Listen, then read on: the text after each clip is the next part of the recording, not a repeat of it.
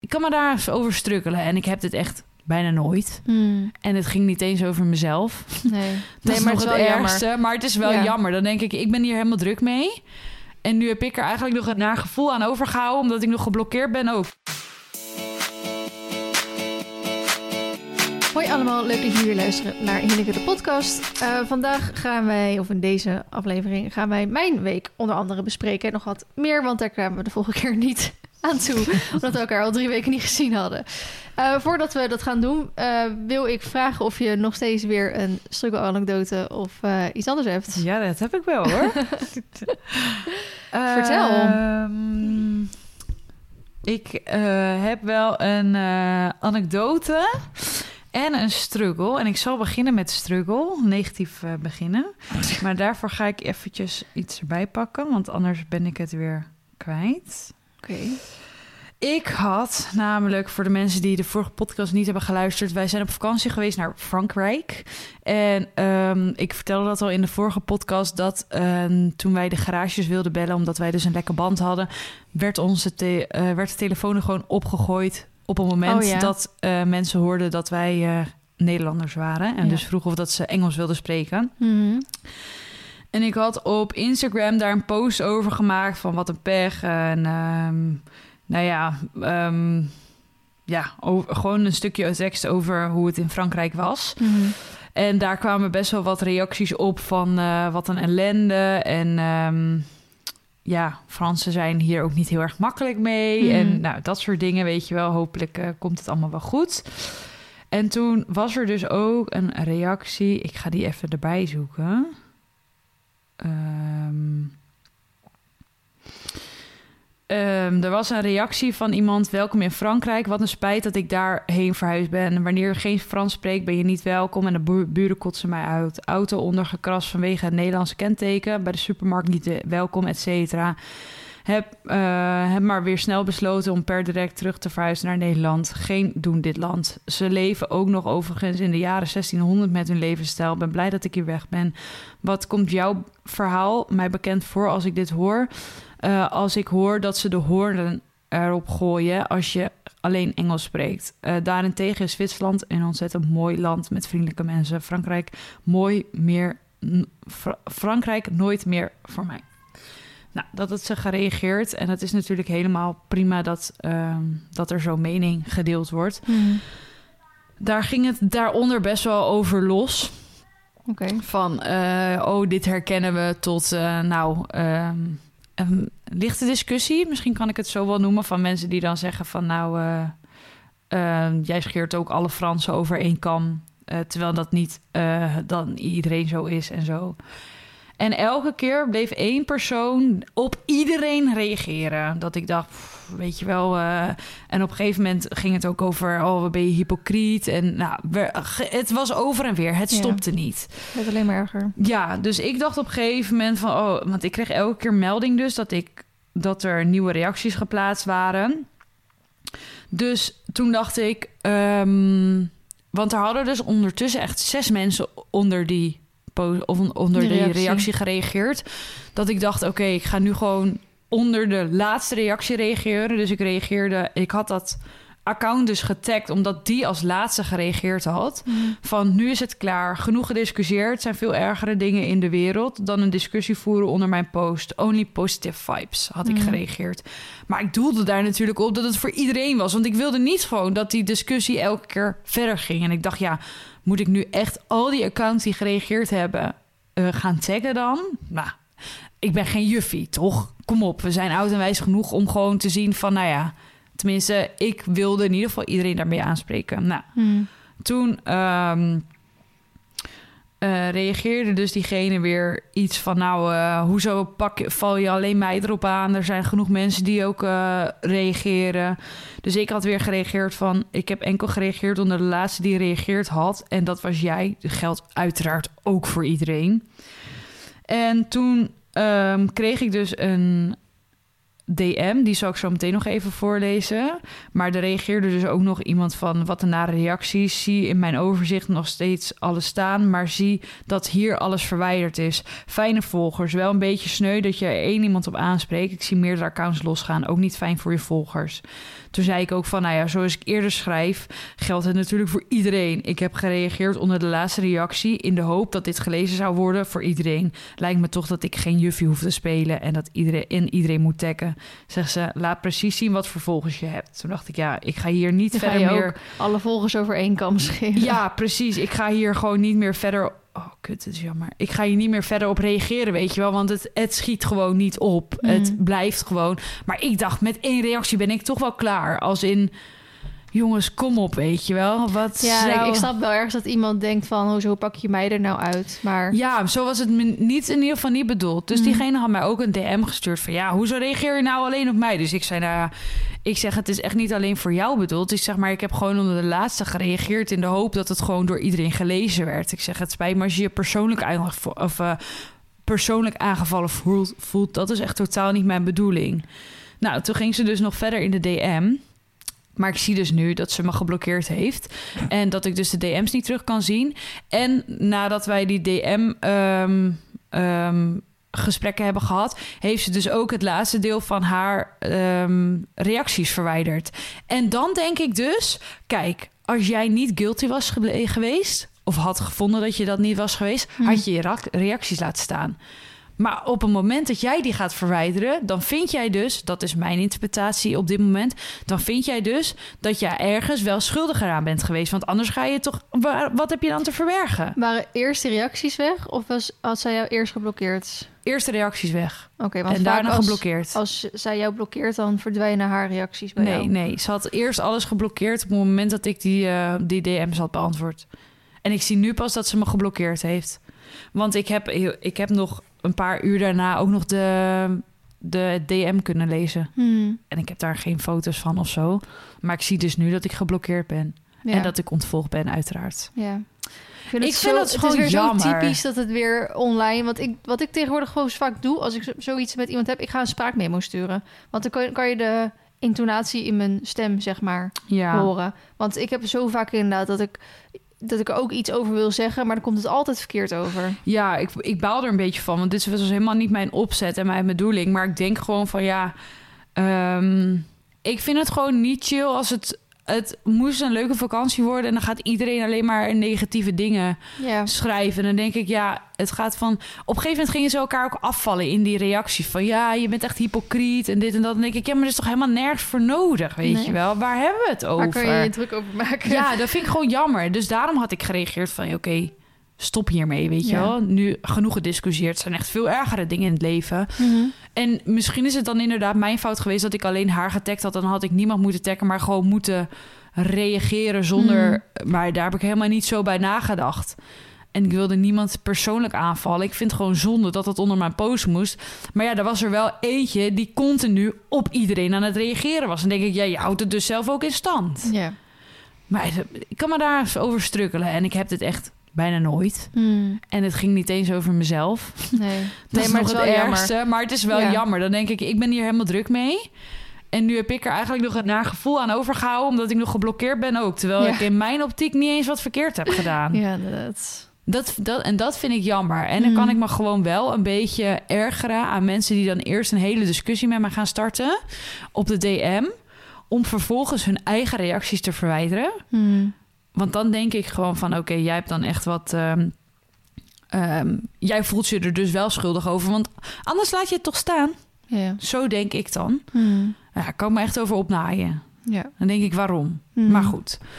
Dat was eh, mijn struggle. En ik heb ook nog een anekdote. Wij gingen namelijk een avond uit eten in, ehm, in Frankrijk. En wij gingen best wel op tijd eten.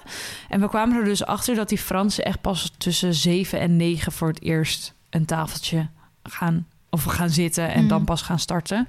Wij zaten er echt al om, nou half zes of zo. En ehm, het werd drukker op, het, op dat terras en drukker. En er ontstond op een gegeven moment gewoon een rij om eh, in het restaurant of op het terras te kunnen zitten. En op een gegeven moment zag ik dus al die bediening met allemaal extra ehm, eh, eh, stoeltjes en tafeltjes lopen. En werd er dus gewoon een heel nieuw terras uitgebreid voor allerlei winkels langs. Dus dat terras had eerst zeg maar 15 plekken. En toen wij weggingen, waren er gewoon 45 plekken. Hm. Ze hadden echt de ziek. Die hele straat stond in één keer gewoon vol met tafeltjes. Dat wij elkaar echt aankeken van... wat de fuck gebeurt hier? Dat hele restaurant werd gewoon uitgebreid. Dat je denkt, wow.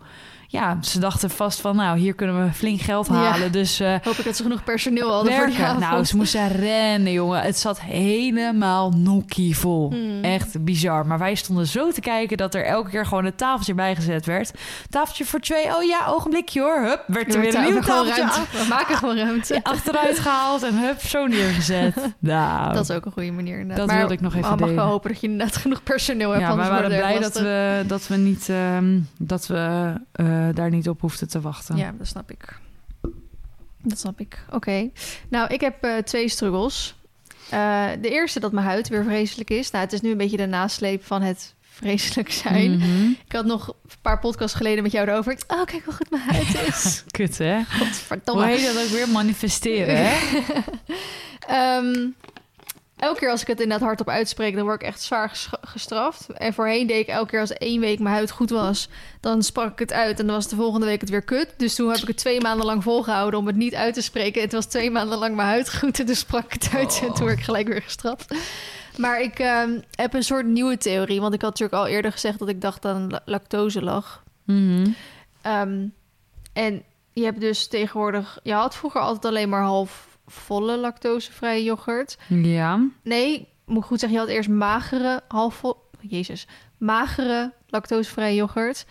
Toen kwam de halfvolle lactosevrije yoghurt. Ja. Je hebt natuurlijk drie soorten yoghurts. En dan heb je ook nog de volle. Ja.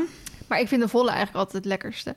Dus toen hadden ze voor het eerst de volle lactosevrije yoghurt. Dus toen dacht ik, nou chill, die ga ik nemen. En volgens mij, als ik weer de puzzelstukjes in elkaar leg...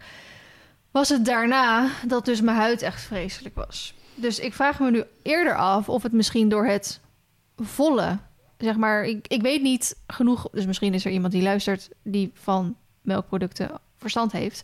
dat als de lactose er al uit is... wat is dan nog steeds het verschil tussen mager, halfvol en vol? Ja, ik denk ook de vetten en zo die erin zitten. Ja. Dus zou dat dan misschien eerder zijn? Want wat ik met lactose heb, ik eet ook wel eens een ijsje en een eh, gerecht waar lactose in zit. En daar heb ik dan eigenlijk nooit echt last van. Dus ik, Dus elke keer alleen met kwark. yoghurt, ja. En als je nou overstapt op van yoghurt naar kwark? Eh, ja, ik vind kwark niet zo lekker.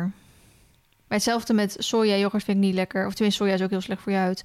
Ehm, kokos vind ik niet te vreten. Amandel vind ik niet te vreten. Dus Oh, wat jammer. dat is echt een beetje jammer. inderdaad. Dus ik, of ik moet gewoon volledige yoghurt in mijn leven skippen. Maar Ik hou van yoghurt, of tenminste kwark. Ik eet heel veel kwark. welke eet je? Optimaal.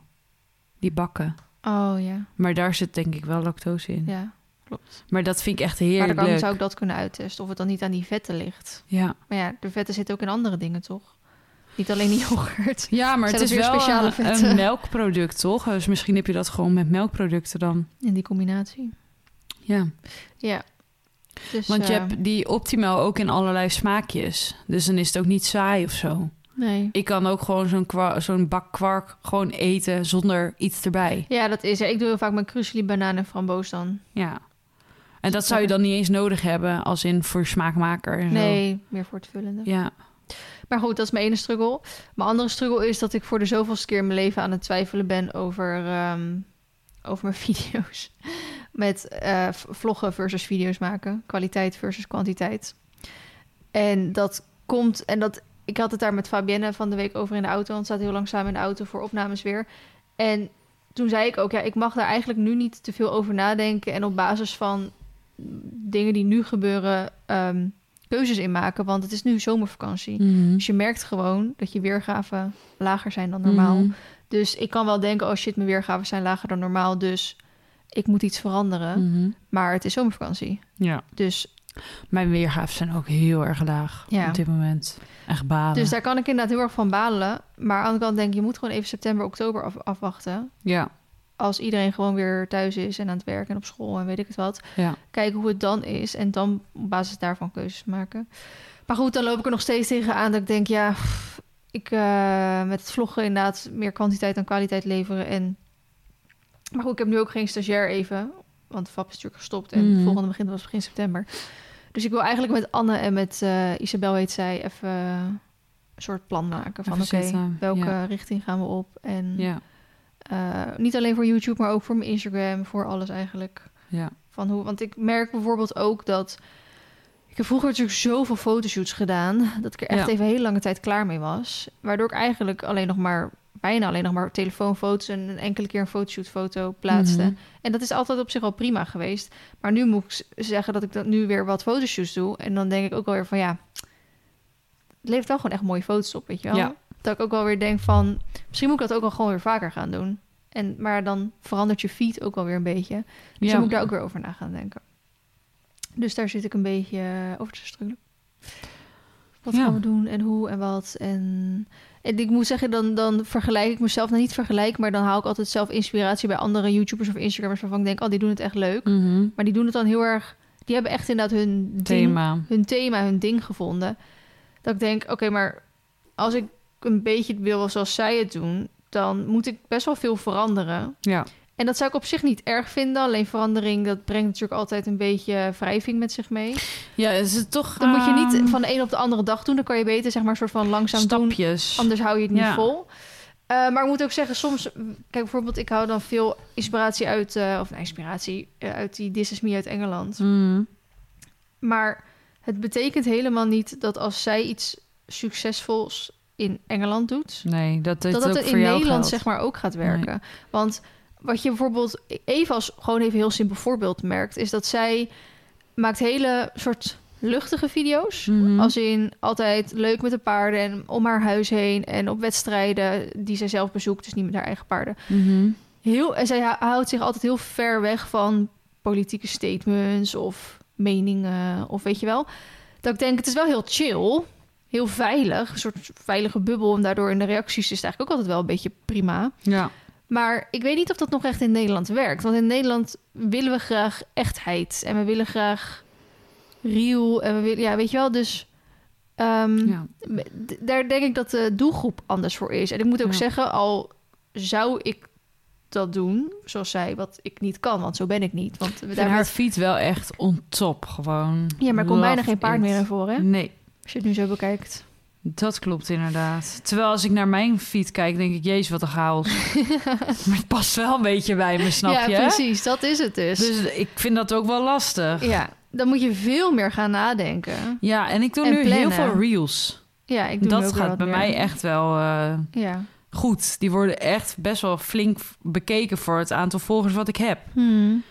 Dus dan denk ik, ja, dat werkt voor nu weer. Maar voor hoe lang Ja. werkt dat? Dat is gewoon iedere, eigenlijk wekelijks kijken, passen, Nou, meten. bijna elke dag.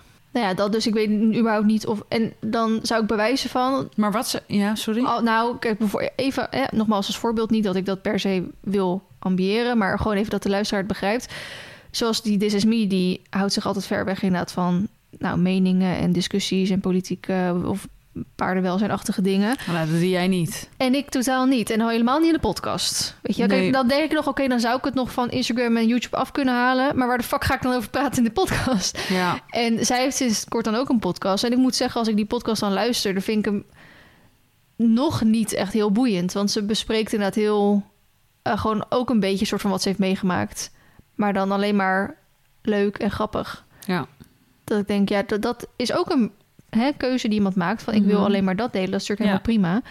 Maar ja, dat is niet helemaal wat bij jou past. Maar hoe zou je dat dan met je video's willen doen? Wat vind je dan nu niet ja, gewoon goed, meer. zeg maar? Weet je waar ik gewoon soms zeg, ik, ik eh, film mijn leven. En dat heb ik natuurlijk eigenlijk al een beetje altijd zo gedaan. Mhm. Maar dan ga ik er dus tegen aanlopen dat ik vind dat de kwaliteit niet goed genoeg is. Als in, ik pak de camera en ik begin er tegenaan te praten. En voor mij is heel erg de, de creativiteit gaat er een beetje uit. Ik begin bijna altijd te vloggen terwijl ik zo de deur uitstap... en dan zo onder Ja. dat boogje doorloop, zo over Maar mijn erf richting de ook. paarden. Maar dat is wel ehm, wat je zegt. Ja, maar- je, je filmt je leven. Ja, maar ik vind wel ook dat er daarbinnen moet er ook variatie kunnen Ja. zijn. Ik volg bijvoorbeeld Gio elke dag. Ja. En niet per se omdat ik hem nou heel graag elke dag wil volgen... maar nee, gewoon maar puur wel even inspiratie, zakelijk creatief ernaar kijken. Oké, hoe doet hij dat? Hij doet Ja. echt elke dag vloggen. En dat is net zoiets dat je Enzo Knol kan volgen Ja. daarom. Of Marcia of wie dan ook. Zij vloggen elke dag en, op, en ze hebben elke dag zoveel honderdduizenden weergaven.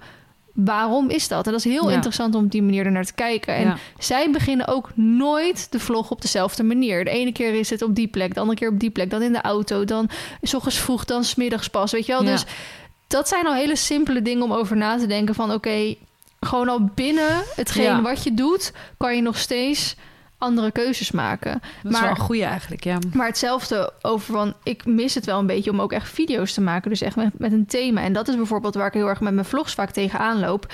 Is dat het niet per se één duidelijk thema heeft. Want het, ik, ik film gewoon wat er gebeurt. En dat zijn vaak trainingen met de paarden of de klusjes die we op stal doen. Waardoor als ik een thumbnail en een titel moet maken, het echt heel moeilijk is om Ja. daar nog een beetje iets creatiefs van te maken. Ja, En soms heb ik geluk en komt er best wel iets makkelijks uit. En soms zit ik echt te struggelen. Ik denk, die video zelf is echt best wel leuk eigenlijk. Ja. Maar nu een titel en een thumbnail bedenken over eigenlijk alles wat hier gebeurd is, is echt heel erg moeilijk. Ja. En dan, weet je, een titel en thumbnail is gewoon echt ruim 50% van je weergave. Dus als die al mislukt, dan kan de video nog zo leuk zijn. Maar als niemand erop klikt, Ja. dan gaat ook niemand dat zien. Dus dan denk ik soms, dan moet ik eigenlijk van tevoren bedenken... oké, ik ga nu een vlog hierover maken. En dan weet ik al van tevoren, oké, dan moet ik die titel erin kunnen verwerken... en het liefst zo'n soort thumbnail kunnen maken. En als ik dat niet op de vlog heb, dan moet ik daar even een aparte foto voor maken... Of wat dan ook. En dan denk ik weer vaak, ja, maar als je het dan wat meer, dus toch weer gescript gaat doen. Nou, niet per se gescript, maar wel even van tevoren over nadenken. Ga je het dan nog redden om twee, drie keer in de week te uploaden? Weet je Ja. want dan moet je er veel meer over na gaan denken. En dat is dan weer de vraag, oké, moet je dan weer teruggaan naar één keer in de week uploaden? Of dat wil ik dan ook weer niet. Dus, en ik, aan de ene kant heb ik wel zoiets, ik wil wel weer vast gaan uploaden op vaste dagen. En dan soms dan lukt dat in één keer twee, drie weken achter elkaar heel erg goed. Van nou, het gaat echt lekker. Ik heb tijd om te editen. Ik heb tijd om te filmen. De video's zijn leuk. En dan heb ik net als afgelopen dagen weer dat ik gewoon bijna niet thuis ben. Mijn laptop niet aanraak. Pas elke keer om half twee s'nachts ga slapen. Dat ik denk, waar de fuck moet ik nu de tijd van aanhalen om te editen? Ja. Dus dan loop ik daar weer tegenaan. Dus dan, daar zit ik mee te struggelen.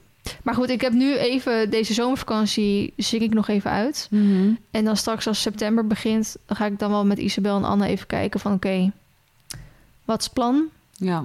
En dan, ehm, want ik denk ook als ik dit nog jaren wil doen, dan moet je denk ik op een gegeven moment inderdaad ook wel iets. ja, je moet wel relevant blijven, inderdaad. Ja, maar ook er zijn zoveel mensen natuurlijk ook weer tegenwoordig op Instagram en YouTube. Dus de, de markt raakt ook heel erg verzadigd. En ik word Ja. natuurlijk ouder en dat Ja. is soms een beetje lastig met kinderen. Heel veel mensen denken natuurlijk vaak dat kinderen echt je doelgroep zijn en dat hè, voornamelijk kinderen en zo kijken. Eh, en ik denk ook dat kinderen veel sneller naar social media toe trekken op een of andere Mhm. manier en, en dat volgen en fan zijn en zo. Maar de kinderen zijn niet mijn doelgroep meer. En dat is ook als je naar de statistieken kijkt, dan is ook echt eh, onder de 18 is echt best wel weinig.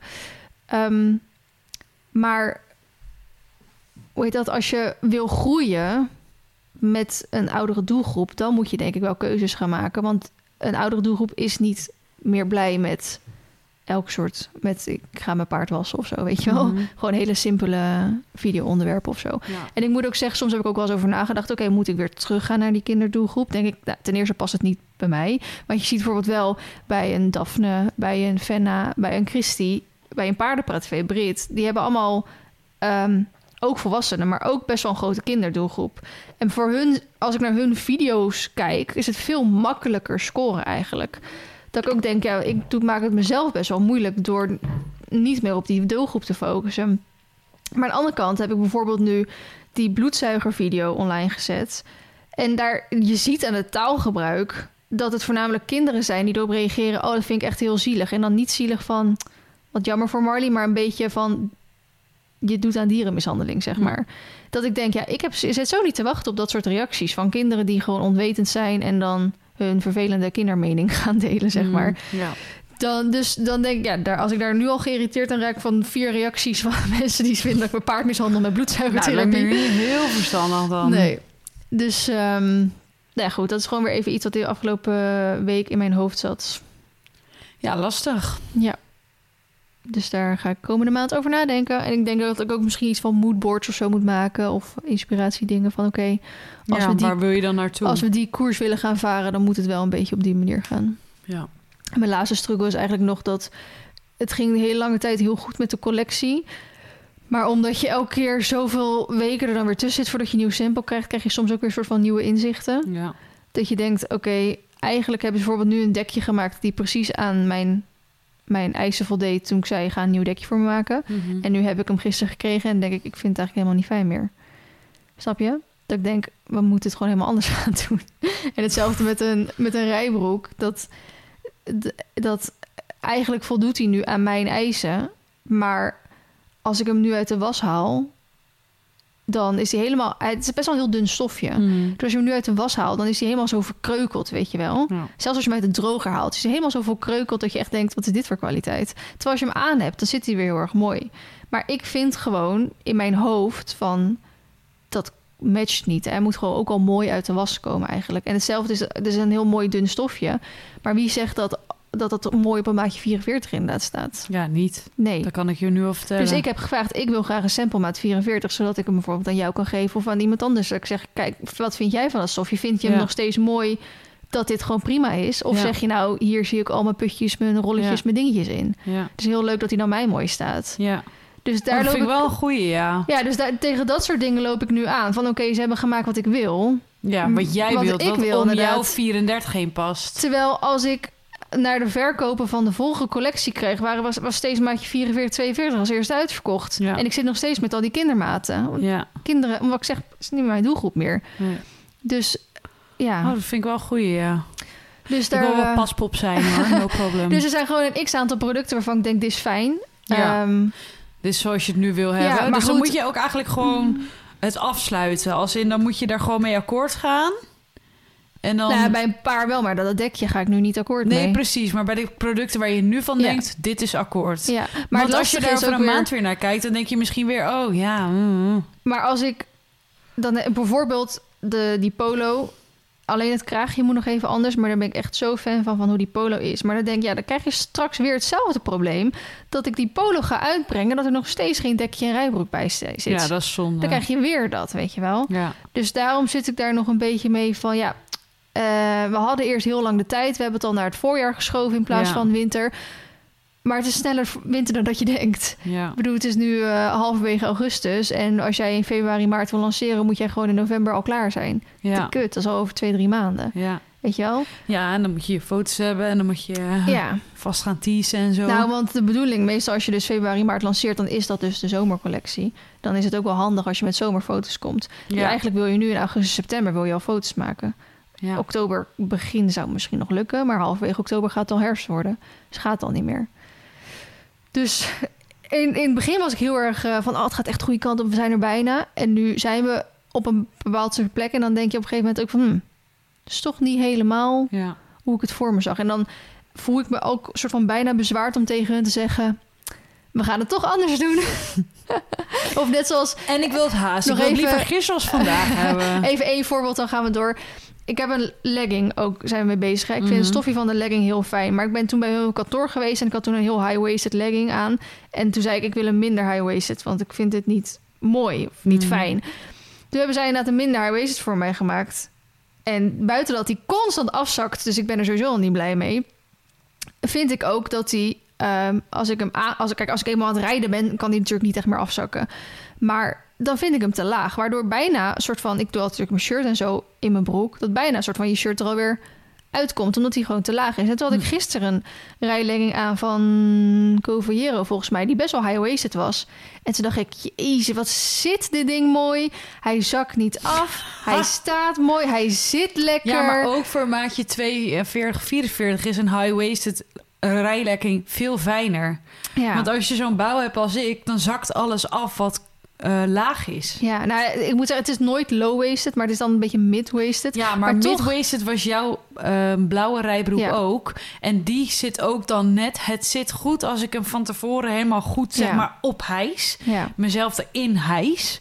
Maar anders met zo'n lijf ook weer niet. Hmm. Ja, en ik zat daar, want ik vind die rijbroek nog steeds heel erg fijn. Maar ik, fantastisch. ik zat mooie daar inderdaad ook. wel ik had hem eergisteren of zo weer aan. En toen dacht ik, oké, dit is inderdaad ook mid-waisted. Want Ja. dan komt hij nog net eh, een paar centimeter of twee centimeter onder mijn navel uit. Ja. Waardoor ik, ik, hè, ik ben echt maar 34, 36, maar ik heb ook wel eens gewoon zo'n klein, ligt aan welk moment van de dag, zo'n vetje onder op mijn buik. En dan komt net dat vetje zo erboven uit. En dan denk ik, ja, eigenlijk moet hij dus net... En toen zat die rij legging, die ik dus zo fijn zat, zat precies op mijn navel. Ja. En toen dacht ik, ja, dit is de perfecte plek om net het vetje zo te hebben. Ja. En dat hij gewoon blijft zitten. En, dat hij, en ik, kreeg, ik heb echt geen kont. Ik had er een kont in. Dat ik ook dacht, Zo, hij- Kylie Jenner. hij, zo- hij, het zat gewoon mooi. ja. Dus ehm, nu denk ik Ja. alweer gelijk... oké, nu moet ik tegen hun gaan zeggen... we gaan toch high-waisted. En dan hoop ik misschien als we hem high-waisted maken... dat hij ook gelijk Ja. blijft zitten en niet afzakt. Want ik vind de stof wel heel erg fijn. Hm. De stof is een beetje hetzelfde als de polo... dus dat matcht dan ook wel weer. Dus nu denk ik echt... ja, oké... eh, ik heb nu van een paar dingen eh, gekregen wat ik wilde... en ik ben er niet tevreden over. ja. Dus we Ja. gaan weer door. Maar goed, dus eh, daar, dat is ook een struggle. Nou, dat waren alle struggles die ik had. Jeetje, meid. ik zal een beetje proberen snel door mijn week te gaan. Laatste keer wat wij hadden besproken. 28, 28 28 juli. juli. Ja. 29e ging toen naar eh Ceci Beekbergen. Was leuk. Heb ik een klein stukje over gevlogd. Wat ik wel heel jammer vond. ehm, op hun social media was er echt bijna niks te vinden. Ze hadden dus op volgens mij de donderdagavond... hadden zij een soort benefietavond gehad of zo. En daar stonden dan wat posts over. Eh, en van de dressuur op de vrijdag, dacht ik, stonden wat posts. Maar allemaal... Ik ga kijken of ik het je kan laten zien. ja, ik ben wel benieuwd. Ehm, allemaal zeg maar... CSI Beekberg is het toch? Of hoe heet dat? Oh nee, het is CAI Beekberg hier. Ehm, die foto's, ook allemaal zo geknipt. Kijk, ze zijn... Oh, waar kan ik ze nou vinden? Hm, hebben ze hem eraf gehaald dan? Of hoe werkt dit? Kijk, als jij een een rechte foto plaatst. Eh, bedoel ik een. Nou, kijk, ja, dit, dit is wat ik zocht. Hè. Ze hadden dus deze foto's geplaatst. Ehm, voor de luisteraar even. Als jij een menwagen met een vierspan foto maakt. Dan, en je maakt dat gewoon horizontaal. Dan staat dat er mooi op. Maar vervolgens hadden ze dus al die foto's in een vierkantje geplaatst. Waar overal dan die voorste paarden of de achterkant van die menwagen afvalt. Snap Ja. jij wat ik bedoel? Ja, ik snap wat je bedoelt. je ziet wat ik bedoel, Ja. hè? Dus dat vind ik heel zonde. En ik denk, dat is zo'n mooi evenement. Zo'n... Weet je, mennen, dat is al super oud. Dat is ouder dan paardrijden, volgens mij. Maar je merkt gewoon in Nederland dat het steeds minder populair wordt. Of dat het veel vergrijzing ook plaatsvindt, hè? Dus dan denk ik van, je hebt zo'n mooi evenement... op een prachtige locatie... met hartstikke veel bekende eh men-sporters daar zo aanwezig. En dan viel die social media echt heel erg tegen. Mhm. En ook toen wij dus op zaterdag waren geweest, wilde ik ook kijken, oké, wie is, heeft de marathon gewonnen, zeg maar. Op, op zijn zondag zou nog de vaardigheid zijn. En dat was dus bijvoorbeeld niet te vinden op hun social media. Dan Ja. denk ik, ja, ik vind het zo... eh, Ook waren geen, werden geen stories geplaatst, niks. Dus Nee. ik vond het zo'n gemiste kans. Ja. En toen heb ik dat ook naar ze gemaild. Van joh, ehm, nou, ik ben vandaag op jullie mooi evenement geweest. En ik zie dat er op social media niet zoveel gebeurd was. Dus ik zou best dat op mij willen nemen, weet je wel. Op, kijk, het is ook nog eens bij mij echt... eh het is 10 minuten rijden van mijn huis. Ehm, ik zou daar best, natuurlijk het liefste gewoon betaald... ehm, heel die vier dagen daar aanwezig willen zijn... om voor jullie content te maken. Ja. Want ik, kijk, ik snap dat dat investering is. Ik snap dat dat geld kost. Maar ik vind het wel een stukje ook investering in de toekomst Ja. dat dus die mensport ook een beetje populair blijft. Ehm, dus zo hebben ze wel gereageerd van... eh, ja, we zijn het met je eens. Ehm, we hebben inderdaad op dit moment niemand in ons team... die dat dus oppakt, waardoor dat Hm. dus achterblijft. Terwijl ik bijna zoiets heb... ja, ik vind dat onmisbaar op zo'n Ja. groot evenement. Als je kijkt naar al die FVI-achtige wedstrijden... CAO Rotterdam, weet ik het wat. Dat is echt helemaal... Jumping Amsterdam, Ja. dat is echt helemaal een complete plaatje... wat daar gebeurt. ja, ik ga dus zaterdag naar Lunchenes eh, Tops Arena in Valkenswaard. Mhm. Dat is ook echt, dat in de Instagram is echt eh, helemaal Ja. on fleek, weet je wel, on point. Ja, denk ik, ja, zo Ja, hoort het zo wel. hoort het wel. En maar ja, er zijn gewoon genoeg bedrijven die daarin heel veel kansen nog missen. Nou, en daar had ik het dus met, ehm, ik weet eigenlijk niet of ik dit mag zeggen, maar ik ga het wel doen. Eh, met Floor over binnen Go Social. Want Go Social was natuurlijk uit... Nou, ik weet niet of het uitgenodigd... Ik weet daar de deal niet van. Maar Mhm. wij waren daar aanwezig vanuit Go Social. En dan was er dus een rondleiding geregeld. En kregen dan wat muntjes voor lunch. Mhm. Ja, die rondleiding... Kijk, die deed iemand van hun... En dat deed ze op zich best wel leuk. Maar je ging gewoon elke hindernis af. En je bleef zeg maar binnen, de, binnen het Ja. publieksgebied. Ja, we hadden bijna twee... Omdat die rondleiding werd heel erg uitgesteld. Dus we hadden bijna twee uur daarvoor om zelf rond te lopen. En zo groot is dat terrein ook weer niet. Dus we hadden eigenlijk zelf al alles gezien. Mhm. Toen die rondleiding. En wij dachten, oh, nu gaan we achter de schermen. En dan gaan we kijken waar het bij het losrijden. Of misschien gaan we bij de veterinaire keuring. Of bij de stallen. Of weet je wel. Dat gebeurde allemaal niet. En nu heb ik verstand van mennen. En Lara was er ook. En Lara heeft veel meer verstand van mennen. Dus als ik het niet begrijp, vraag ik het gewoon aan Lara. Mhm.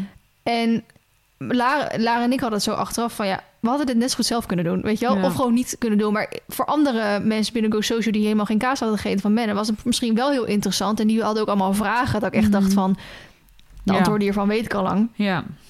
Dus ik vond het gewoon een beetje gemiste kans. En toen zei, heb ik het ook tegen Floor gezegd van joh, eh, nu komen er een hoop eh, influencers. Waarom wordt er dan niet echt iets Ja. mee gedaan? En toen zei ze ja, die plannen waren er inderdaad, maar dat is eh, afgeblazen op het laatste moment. Dus dat is heel erg jammer. En dat, eh, nogmaals, ik vind het een hartstikke mooi evenement. En ik hoop dat het dat eh, doorgezet kan worden en zo. Maar ik zou gewoon graag of mijn steentje willen bijdragen er dan aan. Of, ja. eh, of dat nou betaald, onbetaald is of wat dan ook. Of op andere evenementen, want je ziet het net ook op andere evenementen wel voorbij komen. Ja. Ik denk die social media is zo Belangrijk. belangrijk eigenlijk. Ja, dat is natuurlijk niet alleen voor een evenement belangrijk, maar ook voor bedrijven. Want om daar even op in te haken, ik heb echt de laatste weken echt heel veel vragen voor samenwerkingen Mhm. en zo. En ik merk gewoon, en dit is wel echt zoiets voor, voor de podcast, het is wel interessant omdat ik, jij bent de uitgelezen kans eh, om hiermee te sparren, zeg maar. ik merk gewoon dat bedrijven heel erg uit zijn op sales. Snap je? Mhm. Dat is natuurlijk het einddoel. Ja. Er moet geld gemaakt worden. Ja. Even heel plat en kort door de bocht gezegd. Ja. Maar als jij een startende onderneming hebt en ehm, jij huurt een influencer in en het bedrijf is niet bekend, dan is stap 1 naamsbekendheid creëren. En dan kun jij nooit verwachten dat je met één post ehm, je hele salesopgang hebt. Dat heeft tijd nodig. En sommige bedrijven zijn daar echt heel erg goed in en die hebben daar energie en moeite voor over om daarin te investeren. Maar sommige bedrijven denken ook van ja, maar jij bent toch de influencer, dus jij kan het toch verkopen. Dus nou, ik hoef maar één post en dan eh, denk ik dat ik daar wel eh, duizenden euro's mee kan verdienen. En dan denk ik echt ja, maar dit, dit werkt toch niet? Nee. En dan vraag ik me echt af wie er dan in de marketing zit en wie dit, is, wie dit plan dan zo bedacht heeft om Ja. dat dan zo te doen. Dus tegenwoordig doe ik dan ook echt wel, want ik heb zelf dus een media kit, dat zou jij zelf ook wel hebben, maar jij hebt natuurlijk een personal assistant die eigenlijk dit Mhm. soort dingen regelt. Ehm, ik heb dan wel een media kit en ik zet er dan ook vaak bij dat ik de voorkeur heb voor gewoon langdurige samenwerkingen, omdat Ja. het veel vertrouwder is ook voor de volgers. Mhm. En dan sommigen denken echt van, "Pff, heb ik toch niet nodig? En sommigen Ja. denken, oh ja, daar hebben we eigenlijk nooit zo naar gekeken. Ja. Ja, het is heel... eh, je, je komt alle, je- alle soorten en maten tegen Ja, inderdaad. het is soms echt dat je denkt, jeetje, jongens. Ja, de ene moet je echt vertellen alsof het wiel nog niet is uitgevonden. Mhm. En de ander die, die zegt meteen... oh, er is budget en eh er komt helemaal goed. En zeg Ja. maar, jij bent de influencer, dus zorg er maar voor. maar ook en, eh, sommigen, nee, er is geen budget. Kun je toch wel even gratis doen? Ja, Ja. ja nou, Wat, bij wat voor deal gaan we sluiten, weet Ja. je wel? Nou kijk, om nog even over Beekbergen te hebben. Ik, ik snap bij hun is lastig, want kaartverkoop is gratis.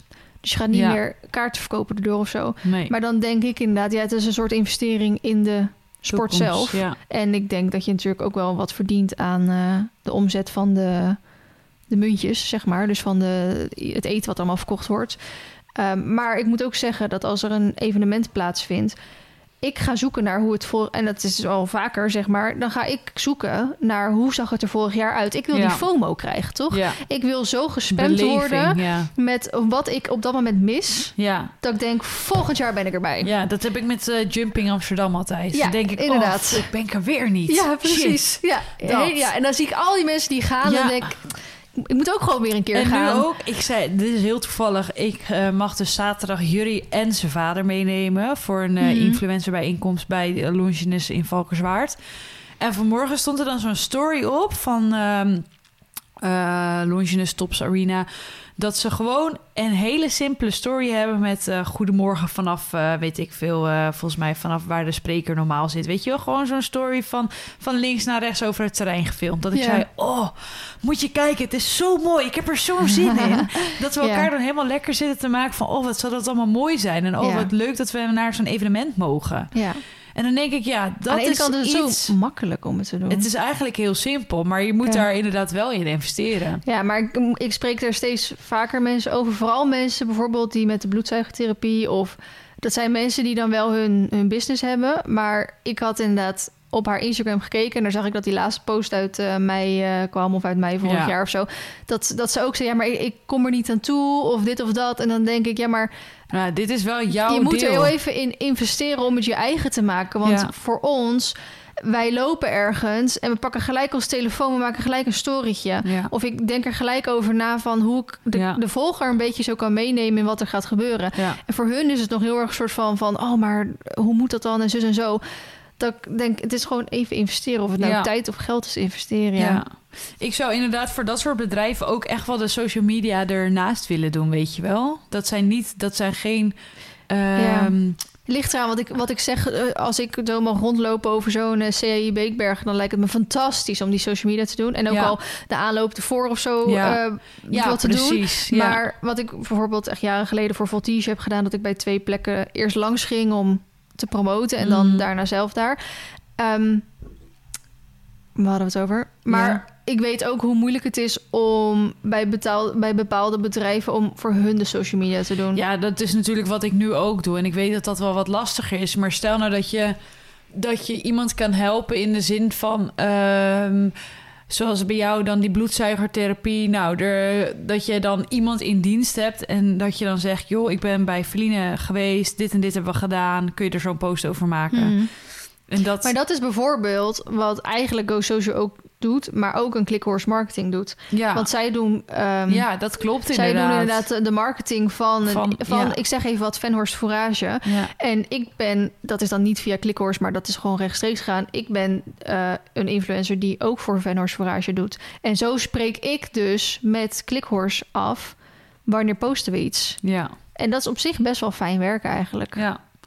Ja, het kan zoveel makkelijker, maar het is wel een investering. Ja, En ik begrijp ook wel als je startende onderneming hebt, dat dat even. eh, dat dat niet altijd uit kan. nee, en weet je, niet geschoten is altijd mis. zijn er genoeg mensen die het voor gratis natuurlijk willen doen. Ja, ja, Maar ja, Ja. Het, het is, het is gewoon grappig inderdaad om gewoon zoveel verschillende ehm, dingen mee te maken. Hoe iedereen daarin Ja, staat. Ik, ik ga dus ehm, in september iets heel erg leuks doen. Dat zal ik nog, kan het jou straks al vertellen, maar ik hou het nu nog even geheim voor de Mhm. podcast. En je had hem ook ergens voor uitgenodigd, wat niet per se nu eh, echt een rechtstreekse links met mij had. Mhm. Maar met een omweggetje op zich wel.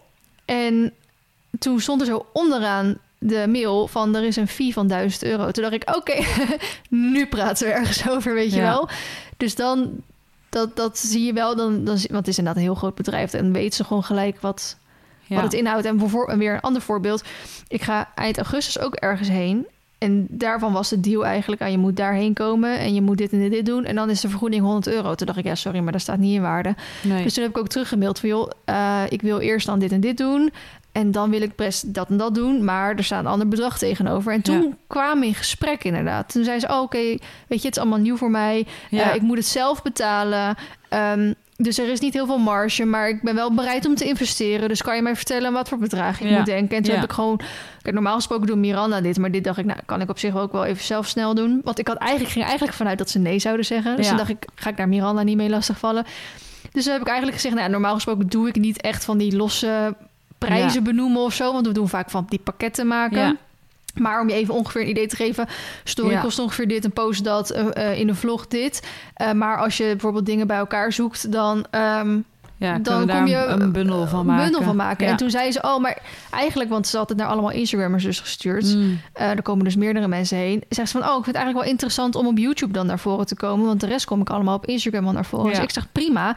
Kijk, ik, Ja. ik heb liever eigenlijk dat je in YouTube naar voren komt. Want een vlog duurt zo 30 minuten. En dan praat ik liever 1, 2 minuten over jouw ding... dan Ja. dat ik daar weer een aparte Insta-post over maak. Daarom Ja. is vaak een post eigenlijk duurder dan weer Ja. eh, iets in YouTube. En toen zei ze dus eh, echt een week later van... hé, hey, ik heb het er thuis nog even over gehad... maar we willen toch ook nog een post erbij. Nou. Dus weet je wel, dan kom je toch zo uiteindelijk wel op iets leuks uit. ja. En ja, maar het, het gaat ook al gewoon hoe erg je erin staat... en hoe, hoe het communicatie en zo gaat. Als je gelijk zegt, nou, het is allemaal niet mogelijk en eh ja. zus en zo... dan denk ik, ja... Dus nou, geen eh, budget. Maar je moet wel komen. Je moet dit en dit en dit doen. Ja, Ja, En, en zijn weet we je, zeker bij, bij beginnende ondernemers of waarvan iemand inderdaad zo zegt van joh, eh, er zit echt heel weinig marge op en zo. Mhm. Dan als je gewoon normaal met elkaar in gesprek kan gaan, dan ben ik ook eerder geneigd om dan eventjes een, Ja. een speciaal prijsje te maken voor je. Ja. Dat, hebben wij in de coronatijd heel veel gedaan. Omdat in coronatijd heel veel mensen het moeilijk hadden. En toen ook best wel veel van die beginnende kleine ondernemers had. Hebben we heel veel van die kleine prijsjes gemaakt. Van nou, we willen jullie wel helpen op deze en deze manier voor deze prijs. Normaal betaal je dan dat ervoor. Ja. In de hoop dat ze zien dat het werkt. En dat je dan daarna steeds weer een beetje kan opschalen. Tot eigenlijk de normale prijs. Maar gewoon normaal kunnen communiceren over Ja. iets. Leuk. Ja. Goed, we gaan God, door. zit op 45 minuten. Ben ik nog amper mijn week toegekomen. Ehm, we hebben toen eh, barbecue met de team gehad. Ja, dat Erg was, er leuk. ook zo leuk ja, uit. was echt gezellig. Ook echt Fijn. leuk om iedereen te spreken. Want ik had Annelien dan een hele lange tijd niet gezien. En ook iedereen's leven is dan ook weer zo anders. Weet je wel, de ene Ja. is eh, de relatie is uit. De andere is eh, dit. Weet je wel, dus Ja. het was echt leuk om dat weer zo te doen. Eh, we hebben Aksje opgehaald. Ja, en dan zijn we al lekker mee in geweest. buitenrit Ja. geweest. Gaat echt super goed. Een paar dagen naar Middelburg geweest. Eigenlijk dus om daar opnames te hebben. Maar het was heel slecht weer. Dus dat ging allemaal niet door. Ehm, nou, ik ben dan met beide paarden naar de kliniek geweest. Ja. Maar op ijzers. En Nudge die had even twee dikke benen. Maar dat was gelukkig binnen drie dagen weer weg. En eh, geen last meer van gehad. Ehm, vrienden over gehad. Weegschaal was er voor de paarden. Ja, Daar heb ik dus een, eh, nou, is in een video voorbij gekomen en ik wilde ook nog wat stories over plaatsen. Eh fotoshoot gehad dus met Marley en Nacho en Sjoerd erbij op Zo de heide. Die foto's zijn geweldig geworden. Echt heel erg blij mee. En mm, mm, bloedzegertherapie dan gehad. Fotoshoot met Shelby gehad op de heide met Carmen en Axel dan bij. En maandag dan opnames gehad bij Inspiratie Huisvestingsserie. Ik moet nog één locatie. Eh, de- waarvan ik nog steeds niet weet welke het gaat worden. Mijn schoonmaakster komt lekker elke uh, om de week langs. En gisteren dan mijn eerste crossles. ja hoe was dat? Wil je er wat over kwijt? Ja, wat zou ik erover zeggen? nee, eh, het was mijn eerste crossles. Ik heb Ja. wel natuurlijk al springles gehad. En ik Mhm. ben zelf al twee keer met hem naar Kosterijn geweest. Mhm. Eigenlijk drie keer. De eerste keer was aan de hand. Ja. De tweede keer was toen met YouTube Weekje. Dus toen heb ik ook geen hindernissen gesprongen. Alleen een opsprong gedaan en de waterbak. Ja. En de derde keer ben ik toen in mijn eentje gegaan. Toen zou ik eigenlijk met eh, Patricia en... eh, kom ik even niet op het waar... Ja, van... eh, ik heb error in mijn hoofd. Sinem. Ja, Dat, ja, ja. die grijze van haar. Ik kom even niet op... Nap? Is dat Nappie? Nappo? Nee, dat is die andere. Nou, ik weet het even niet, sorry. Even, even error. Ehm, dat, die, was, eh, die ging niet goed. Dus ik was daar in mijn eentje uiteindelijk. Nou, en toen heb ik toch wat hindernissen gesprongen. En dat deed Ja. hij hartstikke goed. Ehm, dus toen zag ik op... Nee, ik kreeg hem doorgestuurd op iemands account... dat eh, een instructrice samen met Anna fotografie... Volgens mij is het zo. En Anna, die zie ik al heel vaak voorbij komen. Die maakt van heel veel mensen hele mooie foto's en rails. En die is ook een keer bij mijn springles geweest. Die toen heel onstuimig ging. Dus daar zijn, is er niet zo heel veel uitgekomen toen. Ehm, dus ik dacht, cool, dan heb ik een coole spring, eh, crossles. En dan maakt Anna gelijk foto's en rails. Dus eh mooi 1 en 2. Ehm, dat was dus wel een groepsles. Hm. Dus dat was de eerste keer dat ik in een groepsles... Kijk, ik rij wel dressuur in een groepsles... maar ik heb Mhm. nog nooit gesprongen in een groepsles. Dus ik weet niet hoe die reageert Dat is wennen, hè? als andere paarden om zijn oren heen vliegen en Ja. springen en weet ik het wat. Dus daar probeerde ik ook een beetje weet je, we waren in een les en je moet de, de voordelen meepakken. Dat als hij ergens niet langs durft te gaan, dat een ander paard even voorgaat. Maar ik wil bijvoorbeeld niet aanleren dat, dat we zo in een rijtje achter elkaar over een hindernis heen gaan. Ik denk, nee, hij moet zelf springen. Ja. Hij moet niet ergens. Kijk, als hij ergens iets heel eng vindt, dan is het prima om even achter iemand aan te springen. Ja. Maar we gaan niet als een treintje zo achter elkaar om vervolgens. Ehm, vol gas achter iemand aan te galopperen na de sprong of zo. Dat wil ik gewoon niet. Ik wil wel graag die controle houden. Dus ik heb er in het begin al best wel... Ik heb er heel lang naast gelopen. Want hij vond het echt heel spannend om met al die paarden op gras... Het is ook nog eens grasbodem. Heeft hij ook nog nooit gedaan. Oh. Best wel... Het is een hartstikke mooi terrein, maar heel compact allemaal. Dus er is heel- op heel veel plekken is er wat te zien. Ehm, dus hij vond het allemaal best een beetje spannend. Nou, weet je... Ondertussen weet ik gewoon beetje hoe ik daarmee om moet gaan. Ik moet er gewoon niet gelijk op gaan, want dan lig ik er ook gelijk weer naast. Eerst ernaast lopen, wachten. En dan moet ik echt wachten tot hij uitademt en dat hij zelf die hals gaat zakken. Dan kan ik erop gaan. Nou, heb ik eerst Sjoerd even na- naast laten lopen. Als ik voel dat hij safe is, dan mag Sjoerd weg. En dan moet ik ook weer gaan wachten tot hij uitademt. En dan pas ga ik aandraven. En dat is gewoon het riedeltje wat ik met hem zeg maar volg. De ene keer is dat binnen vijf minuten. De andere keer doe ik daar een half uur over. Ligt een beetje aan de omstandigheden. Ehm, dus ik heb dan altijd wel een beetje van... ja, laat mij mijn ding maar eventjes doen. En dat is heel moeilijk in zo'n groepsles. Want eigenlijk is het dan natuurlijk op een gegeven moment... ja, iedereen moet gaan draven. Nou, ga even galopperen. We gaan naar de eerste hindernis toe. En ik hou er wel rekening mee dat ik dan alvast... weet je wel, dat het ernaast kan lopen voordat de les echt begint. Mhm. Want dan kan ik daar gewoon mijn tijd even aan geven. Dus gelukkig kon ik wel op tijd gaan draven om dan vervolgens daarna ook te gaan springen. Maar ik had wel ook toen al zoiets van: oké, ik eh, weet niet of het heel handig is om de eerste paar keren met hem in een groepsles te doen. Want er zijn gewoon te veel factoren dan waar ik Ja. afhankelijk van ben. Ja. Eh, toen gingen we op een gegeven moment springen. De eerste hindernis keek hij toen eventjes naar. Nou, dat mag. Eh, en toen, en wat ik heel erg, echt heel erg fijn vind bij Nudge, als hij iets eng vindt, gaat hij al een paar meter van tevoren gaat hij al stilstaan.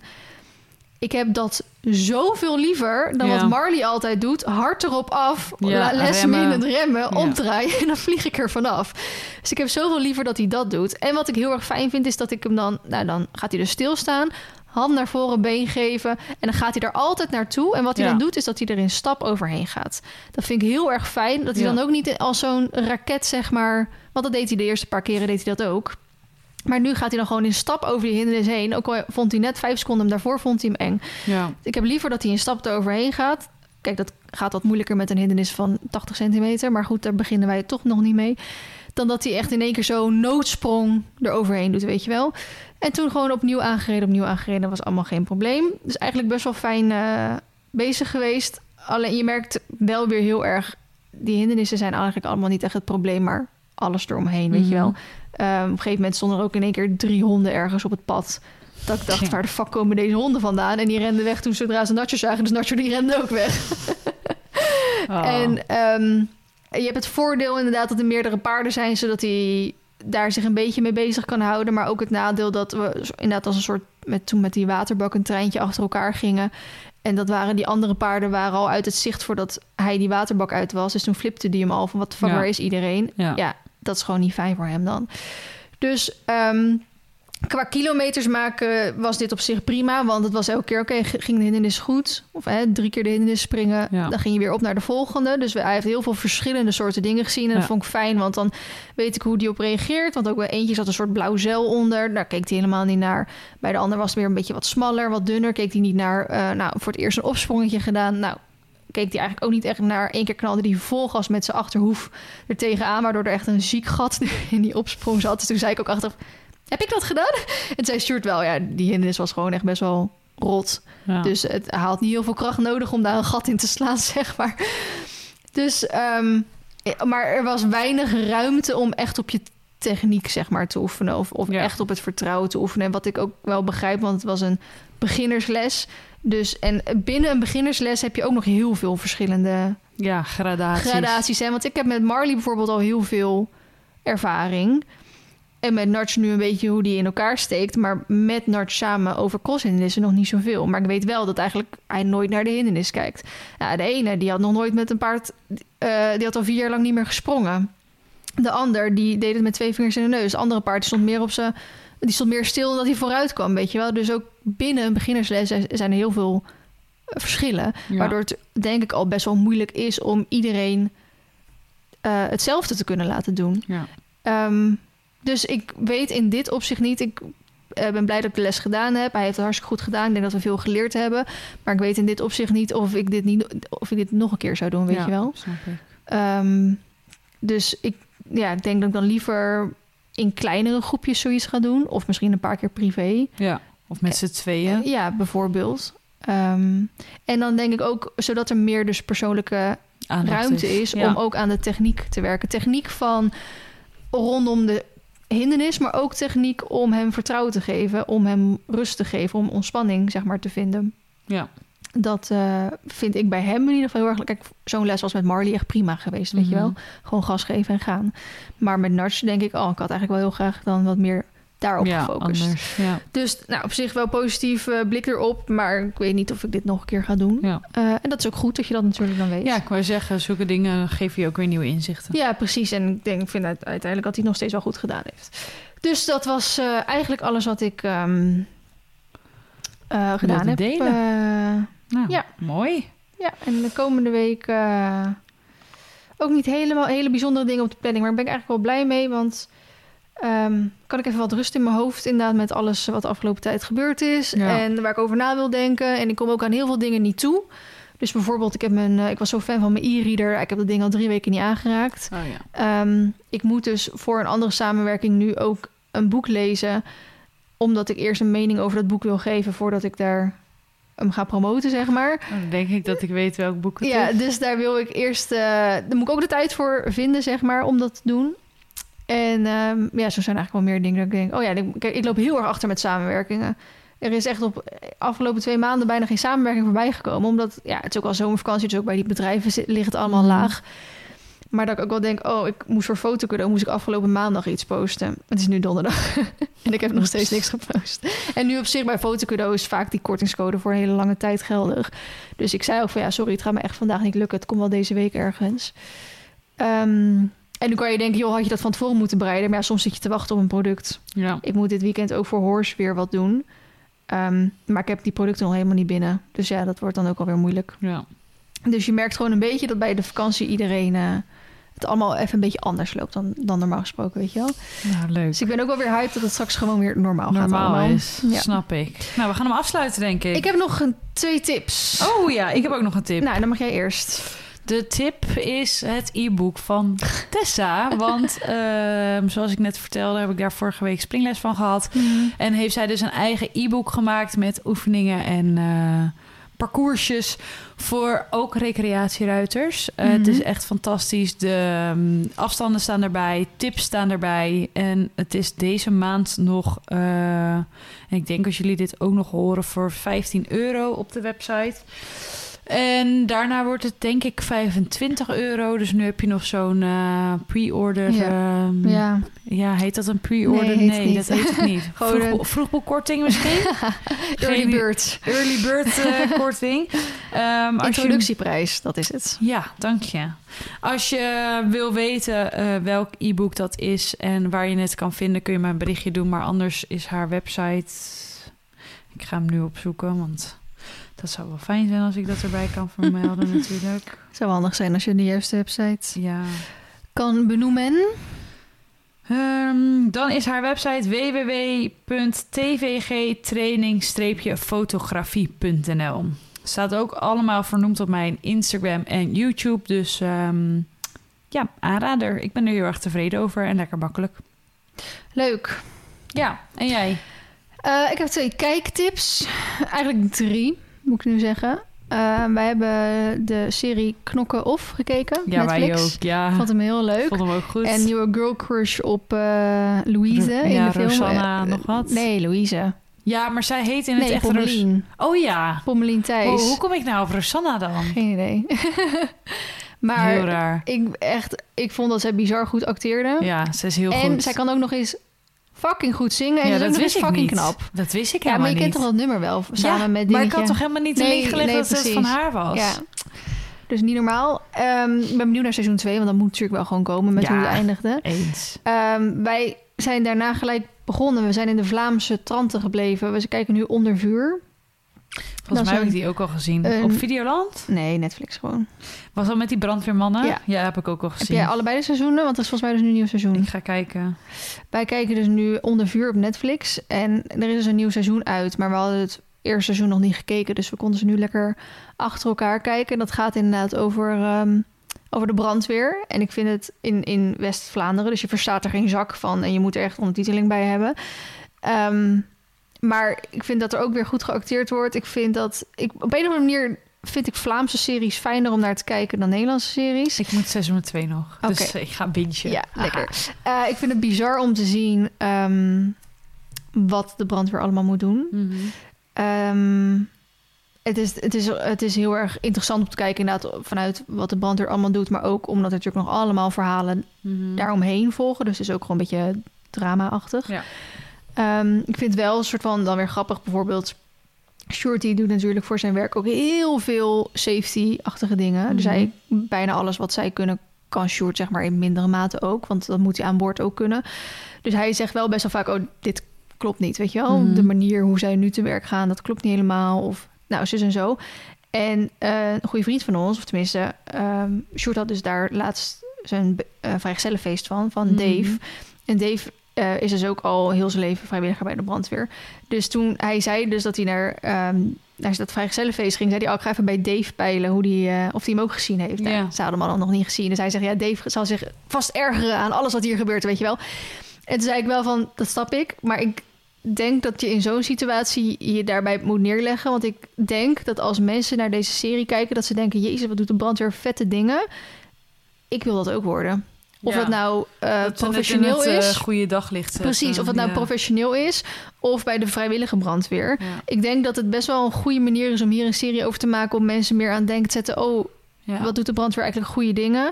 Dus eh, eventueel inderdaad mensen Ik werven. wil dat ook. Dan, ja. dan misschien klopt niet alles 100%. Maar weet je, het blijft een serie. Ehm, ja. en, en dus een, het is geen reality-serie. Het, het is niet alsof ze met hun meelopen. Het is wel gewoon echt allemaal gewoon gescript Ja. en acteurs en zo. Dus ehm, ik vond hem echt heel erg goed. En we zitten nog steeds lekker te kijken. En als derde ehm, is nu dus die nieuwe serie van Geus en Gorgels op Videoland. met eh, Geen Controle heet die. Leuk, hè? Ja, ik vind hem ook leuk. Ik vind hem ook leuk. Ik was een beetje bang omdat... eh nee, je bent natuurlijk de vlogs van Monica gewend. En ook was het natuurlijk al een tijd gestopt. En je bent de podcast gewend. Dat ik denk ook, ik ben heel erg benieuwd als ze nu een serie hebben... of het dan ook Ik leuk is om te kijken. Maar ik vind hem ook heel leuk. Ja, ik eh, hou ervan. Dus ik heb hem ook lekker gekeken. yes. Ehm, verder kijk ik geen B&B. Dat vind ik echt stom. Dat, je dat, dat ik dat niet kijk. Ja. maar ik vind dat er te veel geplaatst wordt. Ik kan dat niet bijhouden. Ik heb al 40 afleveringen en mijn later bekijken op YouTube staan. Laat staan als ik ook nog B&B elke dag moet gaan kijken. Ja, ik heb ook heel veel afleveringen op YouTube, maar dat laat ik dus nu langer staan, zodat ik lekker B&B kan kijken. Ja. Love it. I'm sorry, ik kijk het dus nu niet. Ehm, Helaas. Ja, dat was eigenlijk, eigenlijk alles wel wat ik ehm, wilde vertellen. Nou, top. We gaan hem afsluiten. Ik heb ook lekker mijn Vinted alles opgegooid. Ja, oh, daar wil ik nog even mee afsluiten. Ook dikke tip om je kast even op te ruimen. Lekker, hè? Oh, had ik wat- laatst ook gedaan, maar ik had geen niet op Vinted, ik had gewoon op Instagram gedaan. Ja, maar ik ga geen 71 artikelen op eh, Instagram Nee, zetten. is want iets dat te veel. helemaal gek van. Wat ik wel een beetje een soort van... Ik had er dus 71 artikelen op gezet. Dus had ik zo'n foto van gemaakt van... Nou, er staan 71 artikelen op. Maar ja, dat gaat fucking snel natuurlijk. Dus Mhm. echt binnen... Nou, wat is het? kwartier of zo was de, was de helft of zo al verkocht. Kocht. En toen kreeg ik allemaal berichtjes van... Ik zie maar 20 producten. Of eh, je had er toch veel meer opgezet. En toen dacht ik, jongens, je kunt toch zelf wel even nadenken. Ja. dat dat betekent dat dat de rest verkocht Dat is. gaat dus nu. hard. Ja. Ehm, dus ik heb nu... Ik heb gisteren alles ingepakt. En dat scheelt wel dat je eigen webshop hebt. Dus ik kan gewoon Ja, lekker alle labels via een labelprinter kunnen printen. zo relaxed. Ik heb ben ik gewoon zo lekker inpakmateriaal. Dus ik heb dat vrij snel allemaal kunnen verwerken. En ik heb nu voor 500 euro aan kleding verkocht. Tja. Dus ik, ik werd helemaal gelukkig vanochtend toen ik in mijn kast dus naar kleding ging zoeken om aan te doen dat het gewoon zo opgeruimd was. En ook alles wat ik in mijn kast had, dat ik dat leuk vond, weet je wel. Ja. Want normaal gesproken zit ik echt zo te zoeken en alle kleding Ja. aan de kant te duwen van, ligt er nog iets leuks tussen? En Ja. dan denk ik, ja, dat slaat toch nergens op. Nee, het zou niet zo moeten. En wij, wij hebben al een vrij kleine kast omdat het dak schuin loopt. Ja. Dus het peilde echt uit, niet normaal. Ehm, dus ik heb er echt heel veel kleding op gezet. En eh, weet je, het is allemaal kleding die ik ooit heel leuk vond. Of vanuit samenwerkingen weer heb Mhm. gekregen. Ja, ik krijg zo natuurlijk ook weer veel. Dan ga je op een gegeven moment maak je keuzes naar Ergens wat je het. fijn vindt om te dragen en wat minder Ja. fijn vindt om te dragen. Eh, dus weer lekker wat geld verdiend. Dus ehm, ik ga straks als ik thuis ben even alles versturen. En dan, ik denk als alles wat niet voor het weekend verkocht wordt, alles wat zeg maar gewoon. Ik heb ook een, een stapel gemaakt van wat ik niet verkoop, omdat ik dat niet mooi genoeg vind om te verkopen. Mhm. Of omdat er een vlek op zit of een scheur in zit of zo. Dat ga ik eventjes uitzoeken naar wat op zich nog wel een tweede ronde mee kan. Ehm, en dan naar de kledingbank of naar de Mhm. kringloop of zo Ja. brengen. En eh hetgene wat gewoon echt. En wat dus niet verkocht wordt op Vinted. Want ik heb ook geen zin om dat daar nog heel lang op te laten staan. Nee, en die kleding dan maar ergens te laten liggen. Ehm, en de rest dan naar zo'n kledingcontainer. En ik dacht Ja. eerst, ik gooi alles in de kledingcontainer. Maar toen zei ook iemand dat alles wat in de kledingcontainer komt, dat wordt dus niet gekeken of dat nog naar de kringloop kan, volgens mij. Nee, volgens mij wordt het dan meteen naar die... eh, Textielverwerkfabriek of zo. Of, eh, Ja, of het? wij hebben in Soest hadden we ook zo'n container voor ehm, Afrika en zo. Ah, oké. Ja, dat kan ook nog. Ja, maar dan maakt het niet uit of ik het daarin gooi of dat ik naar de kringloop breng. Nee. Ja, in de kringloop wordt het natuurlijk in Nederland nog ja, verkocht. ja, precies. Ja, ik kijk nog wel even als Dus ik denk, niet. nou, dit kan echt prima nog iemand van de kringloop dragen. Ja, Breng ik het wel daar. Kan je dat gewoon echt zeg maar naar de kringloop brengen? Of Ja. moet je daar volgens mij wel. even afspraak voor maken? Of nou, dat lijkt me niet. Hartstikke blij als je zakken vol met kleding kon brengen. Oké, nou dan ga ik dat even doen en dan de rest ga ik gewoon in zo'n container stoppen. Ja. Dus Nou, even een goede tip om je kast op te ruimen, want het geeft echt heel veel rust. En je kan, je zoals elke influencer die met Vincent samenwerkt, die ik niet ben, zegt, dan kan je nog een zakcentje verdienen. Al vind ik het wel. Ik heb hem wel. Ik heb alles. Ik heb echt. Ik heb volgens mij één item voor 2 euro erop gezegd. Want die denkt, dit is echt al wel oud. Het, het ziet er nog prima uit, maar het is echt al wel oud. Dus het kan echt nog wel een ronde mee. Die heb ik voor 2 euro erop gezet. Ik heb een paar dingen voor 7 euro opgezet. En voor de rest heb ik allemaal tussen de 10, 20, 25 erop gezet. Want ik zie superveel vindt het voor 2 euro erop staan. Dat ik denk, sorry, maar daar ga ik niet de moeite voor nemen. Hm. Daar ga ik echt niet de moeite voor nemen om dat er erop te zetten. Om dan mijn label te printen. Om mijn verpakkingsmateriaal te gebruiken. En dan me, me met Ja. benzinekosten naar eh, pakketpunt. Ga ik echt niet de moeite voor 2 euro nemen. Want volgens mij maak ik dan nog eerder verliezen dat ik winst maak.